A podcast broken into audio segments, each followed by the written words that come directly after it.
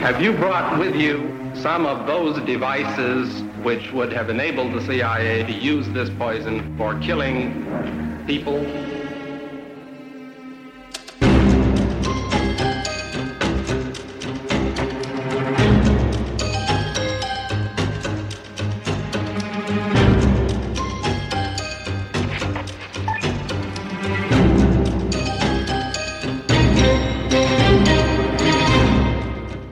Han ligner Errol Flynn på en prik, men med en tydelig aura af vanvid. En tydelig aura af vanvid. Ja. Men, altså, det, han er en dirrende bombe af idéer. Han er en af lederne i sektion D. Og D står for destruktion. Og sektion D er ukendt selv for, for, for Finansministeriet. Du lytter til det hemmeligste af det hemmelige. Et program om den kolde krigs hemmeligheder. Mit navn er Anders Christiansen, og med i studiet er dokumentarist Christian Kirk Muff. Skal vi lige starte med den sædvanlige? Ja, ja, det er vi nødt til. Er det her en del af verdens største historie, eller er det ikke en del af verdens største historie?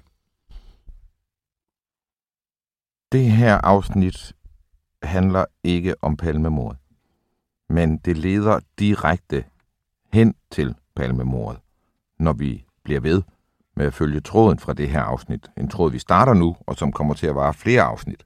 Og når vi gør det, så ender vi i den Stay Behind-gruppe, der er i Stockholm, da mordet sker. Vi har før øh, refereret til Avengers-universet, altså hvor man har øh, Avengers-filmene, og så har man alle de øh, enkelte superheltefilm ved siden af. Iron Man har sin egen film, og Ant-Man osv. Mm. osv.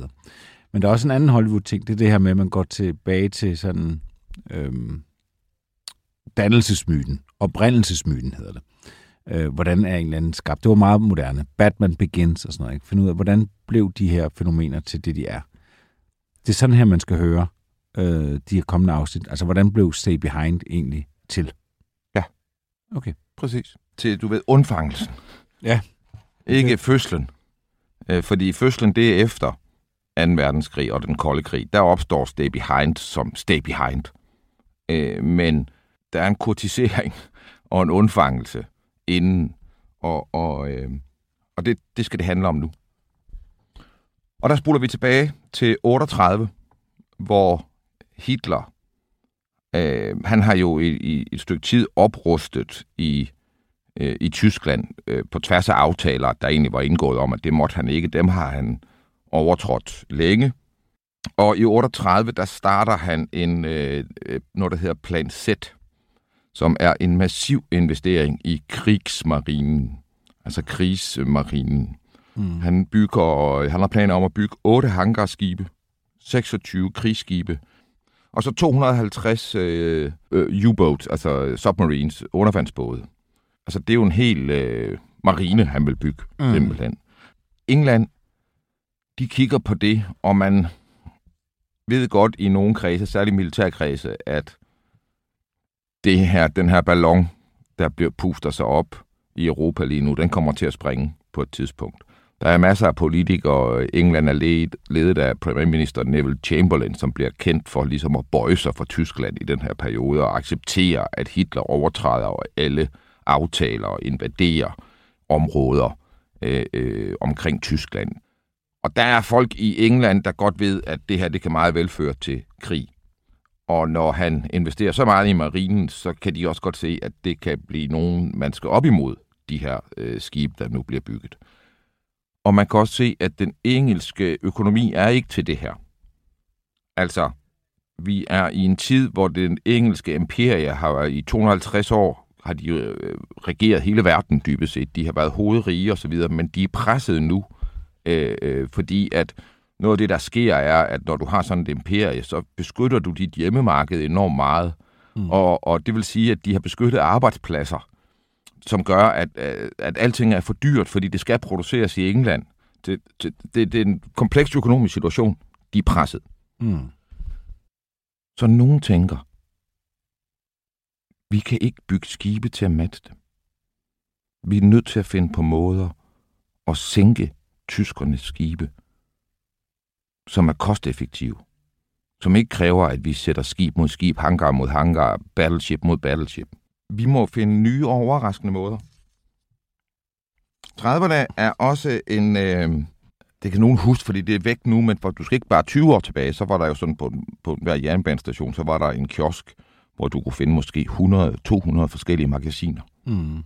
Og hvis du går længere tilbage i tiden, så kunne du gå ind i kiosker, hvor du kunne altså have mange, mange hundredvis af magasiner. Der var magasiner for enhver form for interesse. Mm. Og det var der særligt tilbage i 30'erne. I England, der var der øh, en redaktør, der hedder Stuart McCree, og han var redaktør for Caravan and Trailer. Ja, Det er campingvogne og trailere. ja, Det er et magasin, der udkommer, som fokuserer på det. ja. Det er vigtigt at forstå, at han har været i den verden. Hvilken verden? Verdenen af campingvogne og trailere. Okay. Fordi nu skifter han så til et andet magasin, som hedder Armchair Science. Lænestolsvidenskab. Ja. Det er et magasin om lænestole.